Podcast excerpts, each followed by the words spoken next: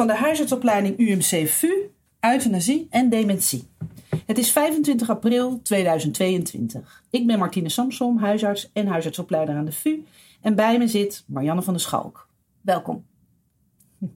Ik ben je heel dankbaar dat je hier bent. Je bent specialist ouderen, scanarts, palliatief consulent en werkzaam bij expertisecentrum euthanasie. Ja, dat klopt. Je hebt veel ervaring en ik wil samen met jou de praktische tips op een rijtje proberen te zetten als een patiënt de diagnose dementie krijgt en bij jou op het spreekuur komt met een euthanasieverklaring. En we gaan dat doen aan de hand van een patiënt. Ja. We beginnen met patiënt de heer K. Hij heeft net de diagnose Alzheimer gekregen en hij komt praten over zijn euthanasiewens, want hij wil zeker niet in een verpleeghuis eindigen. Wat doe je dan? Nou, met zo'n eh, patiënt hè, die op je spreekuur komt, zou ik eigenlijk eerst eh, gewoon eens inzoomen op zijn beeld van dementie. Wat voor een beeld heeft iemand nou eh, bij een dementie? Heeft hij daar ervaringen mee in de praktijk? En vooral, waar ben je bang voor als patiënt? Wat wil je eigenlijk nooit meemaken? En wat is voor jou, voor deze patiënt, nou ondraaglijk lijden? En wat wil je dan tegen die tijd als dat optreedt? Uh, en wat is van belang in deze fase van je leven met deze ziekte? En als je deze dingen vraagt, hè, waar ben je nou bang voor en wat wil je eigenlijk nooit meemaken, dan heb je eigenlijk meteen het beginnetje van je wilsverklaring. Ja, dus je gaat in, als eerste gewoon in gesprek met je patiënt. Wat Ja. je als huisarts eigenlijk altijd doet. Ja. Van hoe komt het nou dat je deze, met deze verklaring bij me komt? Ja. En hoe is die tot stand gekomen, deze? Ja. En de achtergrond. Ja. Mooi. En wat nog meer? Wat is nog meer belangrijk? Nou ja, ik zou in zo'n gesprek ook altijd vragen: heb je een vertrouwenspersoon? Iemand die dit traject met je gaat lopen? En dat kan een partner zijn, dat kan een broer zijn, dat kan een zus zijn, dat kan een kind zijn, dat kan zelfs de buurman zijn. Ehm, dus een vertrouwenspersoon, dat zou ik zelf als huisarts of als SO ook prettig vinden. Iemand die eigenlijk steeds meeluistert en ook een beetje meekijkt. Ehm, en die vertrouwenspersoon, eh, die zou ik ook noemen in mijn wilsverklaring. Dus mijn vertrouwens, mijn persoon is mijn broer Bart. Die komt altijd met me mee. En Bart is op de hoogte van wat ik, wat ik wil. Ja. Dus heel belangrijk, een vertrouwenspersoon eh, Ja. vastleggen. Ook in de wilsverklaring. Ja, die zou ik eigenlijk meteen noemen ook. Ja. ja. Dat is heel goed. Oké, zijn er nog meer dingen? Ja, ik zou ook uitleggen hoe je zelf als huisarts staat in dit proces. Wat voor een huisarts ben je? Dus ben je een huisarts die het van belang vindt om bij de uitvoering van de euthanasie toch nog goed contact te hebben met, met, met jou als patiënt. Dat is natuurlijk van belang. Dus dat een patiënt ook weet, eh, u moet mij wel steeds aan de hand nemen en ik kan geen euthanasie meer doen als u echt helemaal verdwaald bent in uw hoofd. Dat u niet meer weet wat ik nou kom doen als ik straks met mijn medicatie aankom. Dus u moet mij tijdig vragen. En wij gaan dit proces samen lopen, zou ik zeggen tegen mijn patiënt. Maar er is wel een soort kwart voor twaalf moment uh, waarbij het van belang is dat u nog goed kan uitleggen wat u wil.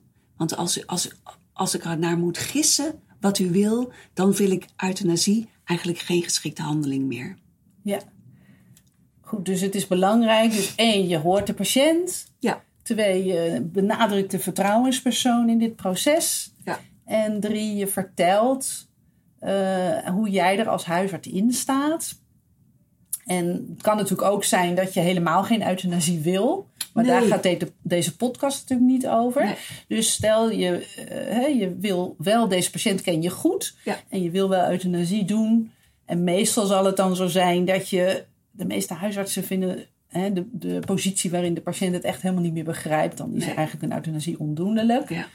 En daarvoor is het ook al lastig. Maar hè, dan moet je aangeven dat je op tijd eigenlijk het moet, zou moeten aangeven. Ja. En dat je het dan uh, wel zou kunnen doen. Ja. Nou, duidelijk. En dat is al best veel hè, voor één consult. ja, dat is veel. Dus, Dus, ik, dus je moet inderdaad heel snel waarschijnlijk naar een volgende afspraak. Hè? Ja, ik zou denk ik inderdaad iemand na twee weken is een beetje afhankelijk van wat voor gevoel je er zelf bij hebt. Hè?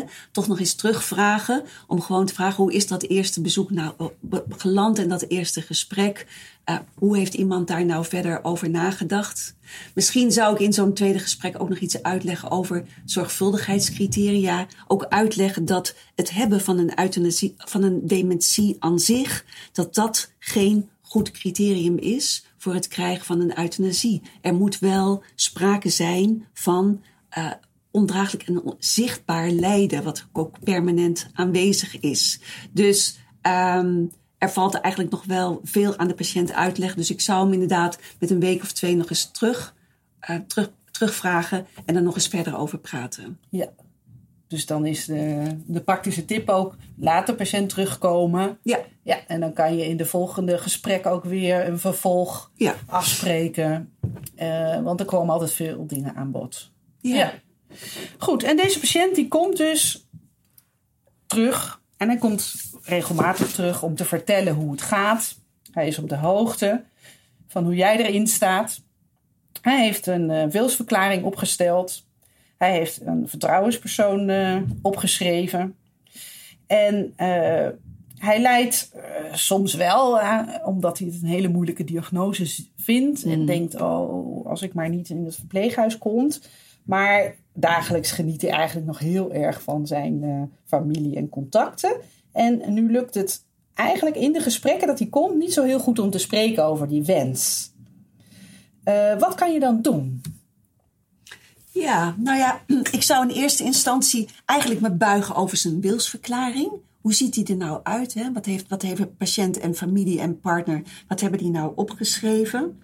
Ik zou een wilsverklaring, vind ik ook van belang, hè? dat is even een zijstapje, waar moet die wilsverklaring nou aan voldoen? Er moet een op staan, een datum, dus hij moet gedateerd zijn de partner moet erin staan. En uh, ik, voor de wilsverklaring vind ik het vooral heel erg van belang dat een patiënt met zijn eigen woorden weergeeft wat voor hem ondraaglijk is en wat hij nooit mee wil maken. Dus ik zou met de patiënt zo eens gewoon doorlopen wat hij heeft opgeschreven en, uh, en, en, en, en, daarover met elkaar in gesprek gaan. Um, en ik zou tegelijkertijd, als je dat gevoel wat je daarbij hebt van hij gaat toch wel, hij wordt misschien wat slechter, maar hij wil er eigenlijk niet over, hij wil er niet over hebben.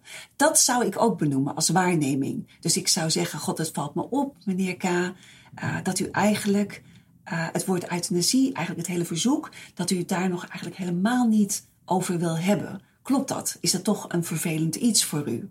Uh, dus daar zou ik over in gesprek gaan. En ik zou zeggen, en, en dat benoemen heeft eigenlijk een tweeledige functie. Aan de eerste kant is het een soort observatie. Ik zie eigenlijk dat u uh, de dementie en de euthanasie, dat u daar eigenlijk liever niet over wil hebben.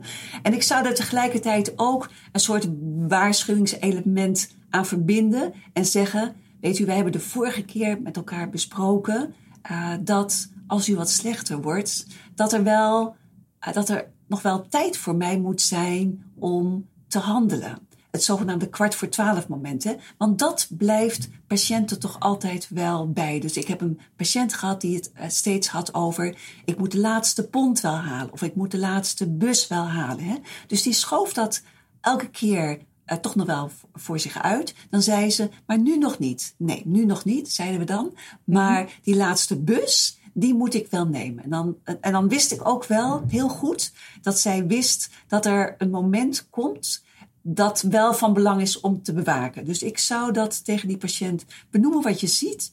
En tegelijkertijd er nog even inweven het kwart voor twaalf moment. Zonder dat je nou als huisarts of als uh, specialist oudergeneeskunde het gevoel hebt: ik moet hier tempo maken in dit proces. Het is mijn taak om te zorgen dat deze patiënt uh, echt richting euthanasieverzoek gaat. Omdat ervaring eigenlijk ook wel leert dat heel veel patiënten met een, een dementie erover willen praten. Ook wel over hun euthanasiewens.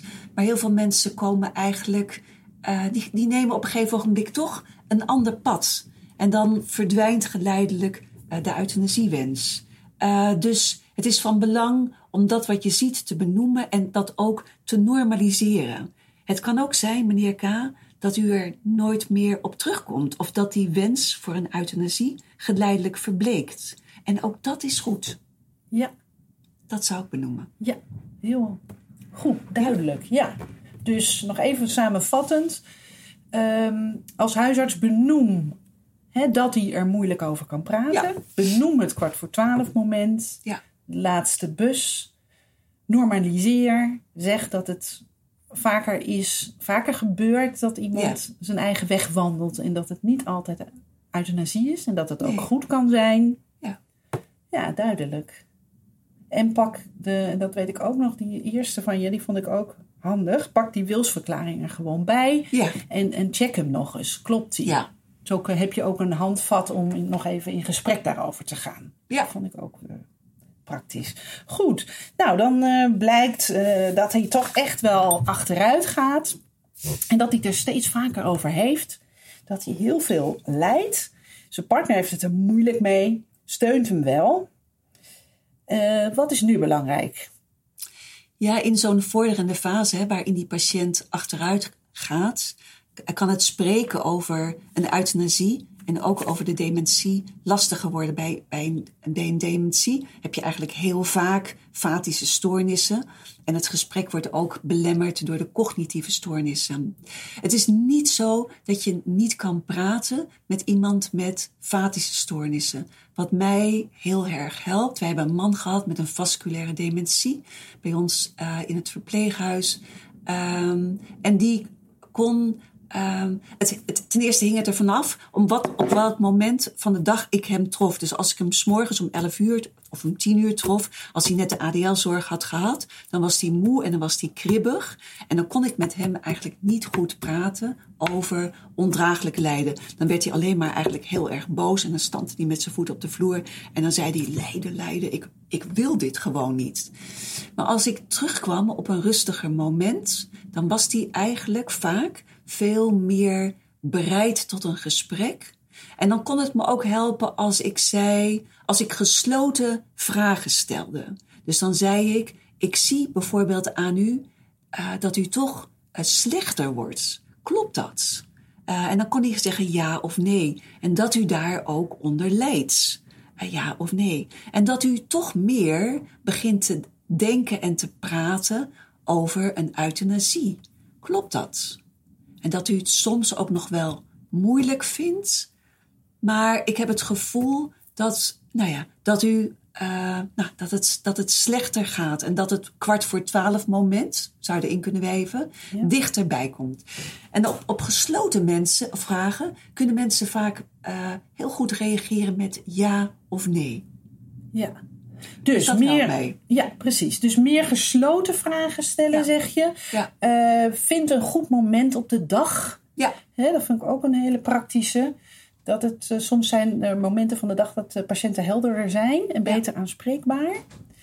Ja, en, uh, en waar ik als huisarts ook nog wel mee worstel, is het, uh, het lijden. Als dat niet meer goed benoemd kan worden. Ja. Hoe kan je dat dan vaststellen als je als huisarts toch daar niet uh, heel veel bent bij die patiënt? Nou ja, ik zou bij het lijden, bij de beoordeling van de ondraaglijkheid van het lijden, daar zou ik ook de naaste betrekken. En ook andere zorgverleners, hè, bijvoorbeeld de, de, de wijkzorg. Dus ik zou, ik zou willen weten, hoe ziet nou de dag eruit van meneer K? Uh, wat doet hij? Uh, uh, en dan kan het helpen dat zijn vrouw of zijn partner zegt... nou, hij is een groot deel van de dag is hij zichzelf kwijt. Hij loopt maar naar het raam of hij loopt naar buiten en kan hem niet meer vinden. Dus ik zou anderen helpen bij het beschrijven van het lijden.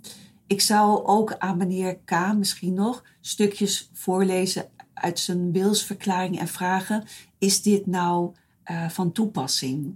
Uh, en je zou inderdaad, um, nou ja, aan de wijkverpleging, wat zien jullie nu aan deze man? Zijn, zijn er veel tekenen van ongeluk? Je zou je zelfs kunnen voorstellen dat uh, familie een, een, een, foto, een, een filmpje opneemt van hun uh, uh, van hun vader of hun moeder als die zo ongelukkig is. Dat ze gewoon een weergave hebben van hoe die hele ongelukkige, diep ongelukkige momenten eruit zien. Dus alle indrukken helpen, helpen daar wel bij.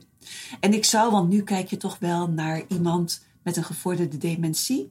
Nu, ik zou daar denk ik ook een, uh, daar, dat is ook een aanbeveling. Ik zou daar de expertise van een tweede specialist bij halen. Dus ik zou uh, uh, een, of een specialist de ouderengeneeskunde of een klinisch geriater nog een keer mee laten kijken naar deze patiënt. Uh, om te kijken van, nou, is de diagnose dementie goed gesteld? Want dat is eigenlijk uh, ook een, een, een, eis die de, de wet stelt. Is die, bij, is die dementie gewoon uh, op een goede lege arts is die diagnose gesteld? En ik zou aan die tweede deskundige willen vragen, of de tweede deskundige eigenlijk naast de scanarts dan, uh, een uitspraak willen hebben. Denk jij dat deze patiënt nog wilsbekwaam is om iets over. Uh, uh, is hij wilsbekwaam ten aanzien van zijn euthanasieverzoek? Je hoeft dus niet de hele wilsbekwaamheid te beoordelen, maar het gaat bij, om in dit, deze situatie vooral om de wilsbekwaamheid ten aanzien van zijn euthanasieverzoek. Begrijpt hij waar hij om vraagt als hij het woord euthanasie in de mond neemt? Dus kan hij nog uitleggen wat er dan gebeurt? Ja. Dat is van belang dat je daar een beeld van krijgt. Dus ik schakel in die fase, zou ik als huisarts, een SO of een klinisch geriater nog een keer inschakelen om met, met mij mee te kijken. Om te kijken, ben je met mij eens dat deze patiënt met, met de diagnose dementie, dat hij nog wel een uitspraak kan doen over zijn euthanasieverzoek. En kan je meekijken met mij dat hij ook, uh, nou ja, heb je ook een impressie van, de, van zijn lijden, van zijn ja. lijdensdruk. Ja. ja. Ja, heel duidelijk. Dus schakel een specialist ouderen in. Ja. Of een klinisch geriater. Ja. Ja. Misschien met de voorkeur voor een specialist oudergeneeskunde, omdat je die makkelijk in de thuissituatie kan krijgen. Hè? Dus je wil eigenlijk ja. dat iemand in zijn eigen omgeving wordt gezien en niet op een polykliniek. Dus dat is denk ik het fijne van de SO, dat je die kan kijken, kan vragen op een tijdstip waarop die patiënt eigenlijk maximaal verbaal aanwezig is. Uh, dus dat, dat zou ik eigenlijk willen. En als je denkt, nou weet je, dat is eigenlijk heel erg belastend, dat er voor deze patiënt straks een scanarts moet komen en nu de SO, zou je, of dat de familie zegt, nou ja, dat, dat wil die niet. In noodgevallen, als dat niet kan, kan je altijd nog een keer vragen om, ik wil straks een scanarts, die eigenlijk ook SO is, of een psychiater. In het Amsterdamse hebben we dat. We hebben een grote groep van scanartsen. En daar zitten verpleeghuisartsen bij en daar zitten psychiaters bij. Dus dan heeft de scanarts, die heeft dan eigenlijk een dubbele functie. Die oordeelt dan, beoordeelt het euthanasieverzoek zoals hij dat altijd doet. Maar hij doet dan ook nog een keer expliciet een uitspraak over de wilsbekwaamheid en over de ondraaglijkheid van het lijden. Ja. Maar als je dat voor wil zijn, dan zou ik zeggen: laat tijdig een SO met je meekijken in de thuissituatie en laat hem een uitspraak doen over de wilsbekwaamheid. Ja. En je kan je ook voorstellen dat je dat al wat eerder aan die patiënt vertelt. Ja. In het proces dat, dat er, als het ja. echt duidelijk wordt dat er een euthanasiewens ja. uh, actueel wordt, dat je dat gaat doen. Dan weet de familie en de patiënt dat ook. Ja, ja goeie, dank. En ik denk nog even teruggrijpend naar die wilsverklaring. Ik zou in mijn medische D-cursus ook altijd zeggen: Nou, ik heb met, met, patiënt K op die en die datum uh, de wilsverklaring uh, inge, uh, besproken en gelezen. En dan zou ik er ook bij zetten in mijn medische D-cursus. Op het moment dat meneer K met zijn wilsverklaring kwam, was hij volledig wilsbekwaam. Uh, ten aanzien van zijn gedachten over euthanasie en ook uh, met zijn, ten aanzien van zijn uh, wilsverklaring. Dan, dat is van belang dat iemand ook een wils, op het moment dat hij wilsverklaring opstelt, wilsbekwaam is. Dus daar moet je in je decursus ook een uitspraak over doen. Ja. Ja, Goed. ja dank je. Ja. Oké, okay. dan, um, dan is het als huisarts ook nog wel spannend. Je hebt een, je denkt ja. meneer K heeft echt een verzoek en er komt een datum. En hij voldoet aan alle voorwaarden. En je plant het. Dan zou ik het nog wel spannend vinden dat ik daar kom en dat hij dan toch het niet begrijpt. Ja. Of toch uh, dat je het contact uh, niet goed kan leggen daarover. Ja. Heb je daar nog tips voor? Ja, ik zou ten eerste anticiperen op die mogelijkheid. Uh, dus vaak bespreek je euthanasie toch met je, met je patiënt zelf. Maar je bespreekt hem vaak ook met uh, de vaste partner of de vertrouwenspersoon erbij. Dus ik zou uh, zeggen, het kan natuurlijk zijn, meneer K, dat we gaan bijvoorbeeld volgende week donderdag uitvoeren. Maar dat u het op dat moment even helemaal kwijt bent bij die gedachte. En dat u niet meer weet waarvoor ik kom of wie ik ben. wat, ja, wat zullen we dan doen? En dan zou ik een patiënt een beetje bij de hand nemen. Dus ik zou het hem niet laten oplossen omdat ik denk dat dat te ingewikkeld is. Maar ik zou me kunnen voorstellen dat je op zo'n moment zegt, nou ja, weet u, uh, ik ga ervan uit dat die patiënt jou nog herkent als huisarts. Maar ik zou, ik zou zeggen, weet u nog? Ik zou een beetje hem proberen terug te leiden naar de gesprekken die we hebben gehad. Ja. Uh, weet u nog dat we het hierover hebben gesproken? Je zou zelf nog de schriftelijke wilsverklaring erbij kunnen pakken. En hem laten zien dat je, weet u nog dat u dit heeft opgeschreven en dat we het hebben besproken. Maar als iemand je dan leeg aankijkt en totaal geen enkele beleving heeft en geen enkele herinnering, ja, dan zou ik dat in alle rust benoemen en ook zeggen: dat maakt het voor mij moeilijk, onmogelijk om nu de euthanasie te doen. Uh, dat, dat heb je eigenlijk van tevoren ook uitgelegd. Hè? Ja. Dus dan kan je twee dingen doen. Hè? Dan, en dan zeg je ook dat kan voorkomen. Dus dan kan je zeggen: Weet je, ik heb het gevoel dat het vandaag niet lukken gaat. Maar vindt u het goed dat ik nog een keer bij u terugkom en het nog een keertje aan u vraag? Um, en dat, dan zou ik de patiënt aankijken, maar ik zou ook de familie aankijken. Dat, ik zou dat eigenlijk in twee richtingen doen. Maar ik zou voor mezelf de ruimte maken, want dat is natuurlijk toch een lastig moment. Voor jezelf, voor de patiënt en voor de familie. Ja. Uh, dus uh, je moet, dat, je moet dat als het ware incasseren. Je moet dat toch even verwerken. Dus ik zou voor mezelf, een, ja, hoe, wel, hoe maak je nou een termijn uh, op welke je weer terugkomt? Een week of twee weken. Je ziet wel dat mensen soms met hun wens ook bij, bij een somatische aandoening, dat ze op een gegeven ogenblik de uitvoerende arts wegsturen en dat iemand dan toch drie weken later weer welkom is. Dus ik zou die ruimte van tevoren bespreken als mogelijkheid en wat je dan gaat doen. Ja. Dat zou ik doen. Ja, duidelijk. Ja. Dus samenvattend, je neem, uh, ja, vertel je patiënt misschien al dat dit kan gebeuren. Ja. Op het moment dat je de datum vaststelt met elkaar. En wat je dan doet. Ja. Dat is denk ik ook prettig voor de familie en de patiënt. Dat er dan nog ruimte is als het uh, niet gaat op dat moment. En voor jezelf, hè? Dat je een draaiboekje in je hoofd hebt. Als dit gebeurt, dan doe ik dit. Ja. Uh, omdat dat voor jezelf ook een emotioneel moment is. Ja. Het is toch een handeling waar je tegenop ziet. Ja. En dan gaat je op het laatste ogenblik niet door. Dus je moet voor jezelf ook even een draaiboek hebben. Omdat je denkt, oh, dan doe ik dit. Ja. Ja, en dat hoeft niet het einde te zijn. Dat zou ik er ook bij zeggen. We kunnen het nog een keer proberen. Ja. Niet 88 keer, maar we kunnen nog een, nog keer, een keer, proberen. Ja, dat is dan genoeg. Ja. ja, dan moet je.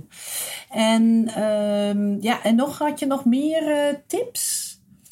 Heb ik nog meer tips? Nou, ten eerste is er van de toetsings, toetsingscommissies een heel mooi document. Dat heet de euthanasiecode. Dat vind ik eigenlijk een document dat elke arts in zijn kast moet staan. Omdat eigenlijk alle vragen over euthanasie, die staan daar zo overzichtelijk in. Dus um, lees die een keer en um, um, dat is een, een handig document. Hoe heet dat uh, document? Het heet de euthanasiecode. En de laatste versie is van 2018. En het is een product van de toetsingscommissies, waarin ze eigenlijk zelf alle zorgvuldigheidscriteria's nog eens uitleggen. Maar ze leggen bijvoorbeeld ook uit: kan je bijvoorbeeld een palliatieve sedatie doen voorafgaand aan de uitvoering van een euthanasie? Het staat allemaal keurig beschreven. Goede antwoord is ja, dat kan. Maar je kunt daar dus al je vragen in opzoeken. Er staat ook een hele mooie overzichtelijke paragraaf over euthanasie bij dementie. Dus dat vind ik voor jonge dokters, maar ook voor oude dokters, een heel handig, handig document. En dat staat. Uh, je kan het online vinden, je kan het vinden bij uh, toetsingscommissie Maar ik denk dat je het heel goed onder euthanasiecode kan vinden. Ja. Handig om te hebben. Oké, dank. Ja. Uh, tweede handige punt is, uh, de expertise, het expertisecentrum euthanasie heeft consulenten in dienst die met, ja, die als je voor de eerste keer een euthanasie overweegt te gaan doen bij iemand met een dementie, dan loopt een consulent. Je kan die vragen of die een aantal gesprekken met je meedoet. Maar je kan hem eigenlijk ook vragen of hij of zij de hele procedure van begin tot uitvoering met je meedoet. Dan loopt er dus in dat hele traject iemand met je mee die vaker, veel vaker, uh, euthanasie heeft gedaan bij dementie. Die je dus bijvoorbeeld de gesprekstechnieken voordoet. Hoe praat je nou met iemand met vatische stoornissen? En hoe ga je dat traject in? Ik vind dat zelf eigenlijk een hele goede helpende functie voor mensen die denken: ik vind dit toch een, een, een spannend traject. Ik wil eigenlijk dat iemand met me meekijkt. En dat kan je opleider zijn. Uh, maar dat kan je, het, het, kan iedereen doet een keer, of niet iedereen, maar als je, veel mensen doen een keer een eerste een euthanasie bij een dementie, dat zijn toch moeilijker, lastiger euthanasieën. Dus dat je daar een, een ervaren iemand meevraagt, dat kan eigenlijk heel erg prettig werken. Ja, ja, leuk. Dus Dat, dat, doet het, uh, dat biedt het expertisecentrum ja. euthanasie. Ja. En de scanarts, mag je dan ook als je een scanarts inschakelt vragen om een, uh, iemand die gespecialiseerd is in dementie? Uh, ja, nou, ik mag je, ja, dat mag je zeker.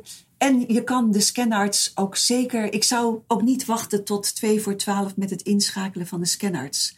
Dus ik zou, ik vind, een, uh, ik, ik zou bij dementie, zou ik uh, ervoor zijn, ook als scanarts, dat je tijdig met iemand in gesprek gaat. Dus als scanarts komt het vaak voor dat een huisarts mij belt en zegt, ze heeft wel op heel veel momenten in de in de dag bijvoorbeeld een euthanasieverzoek, maar soms verdwijnt het. En dan kom ik bij die patiënt. Ik had het laatst bij een van de, met de huisartsen in centrum.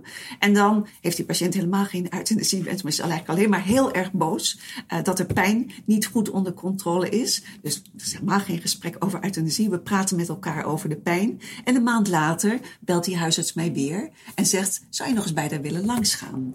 Um, en ook op dat moment had die vrouw geen euthanasievraag, maar ze heeft hem wel heel vaak bij de kinderen. Dus um, dat vind ik ook een goede vraag aan de scanarts. Soms zie je iemand wel drie keer.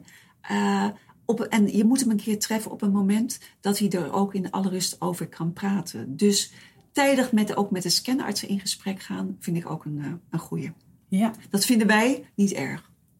Goed, dus de scanners ook vroegtijdig inschakelen. Ja. Is nog een uh, laatste mooie tip. Zolang die het nog goed kan zeggen, ja. Ja, hoe bedoel je dat? Nou, zolang je patiënt eigenlijk ook. Waarom wil je dat? Nou, dat de scanarts ook het verhaal nog een beetje kan horen van de patiënt. Dus naast de wilsverklaring dat je ook een beeld krijgt van de patiënt. En dat heb je soms niet met één bezoek, maar met twee bezoeken wel. Uh, en, en, dat er ook nog wat contactmogelijkheid is. Dus juist voor de scanners is het ook fijn om op tijd erbij uh, gehaald te worden. Geeft een tweede blik. Geeft toch, ja, geeft ook beter beeld van de patiënt als je er vroeg bij bent. ja. Mooi. Dankjewel Marianne. Graag Ik vond het een uh, heel leerzaam interview. Nou, mooi. Dank je.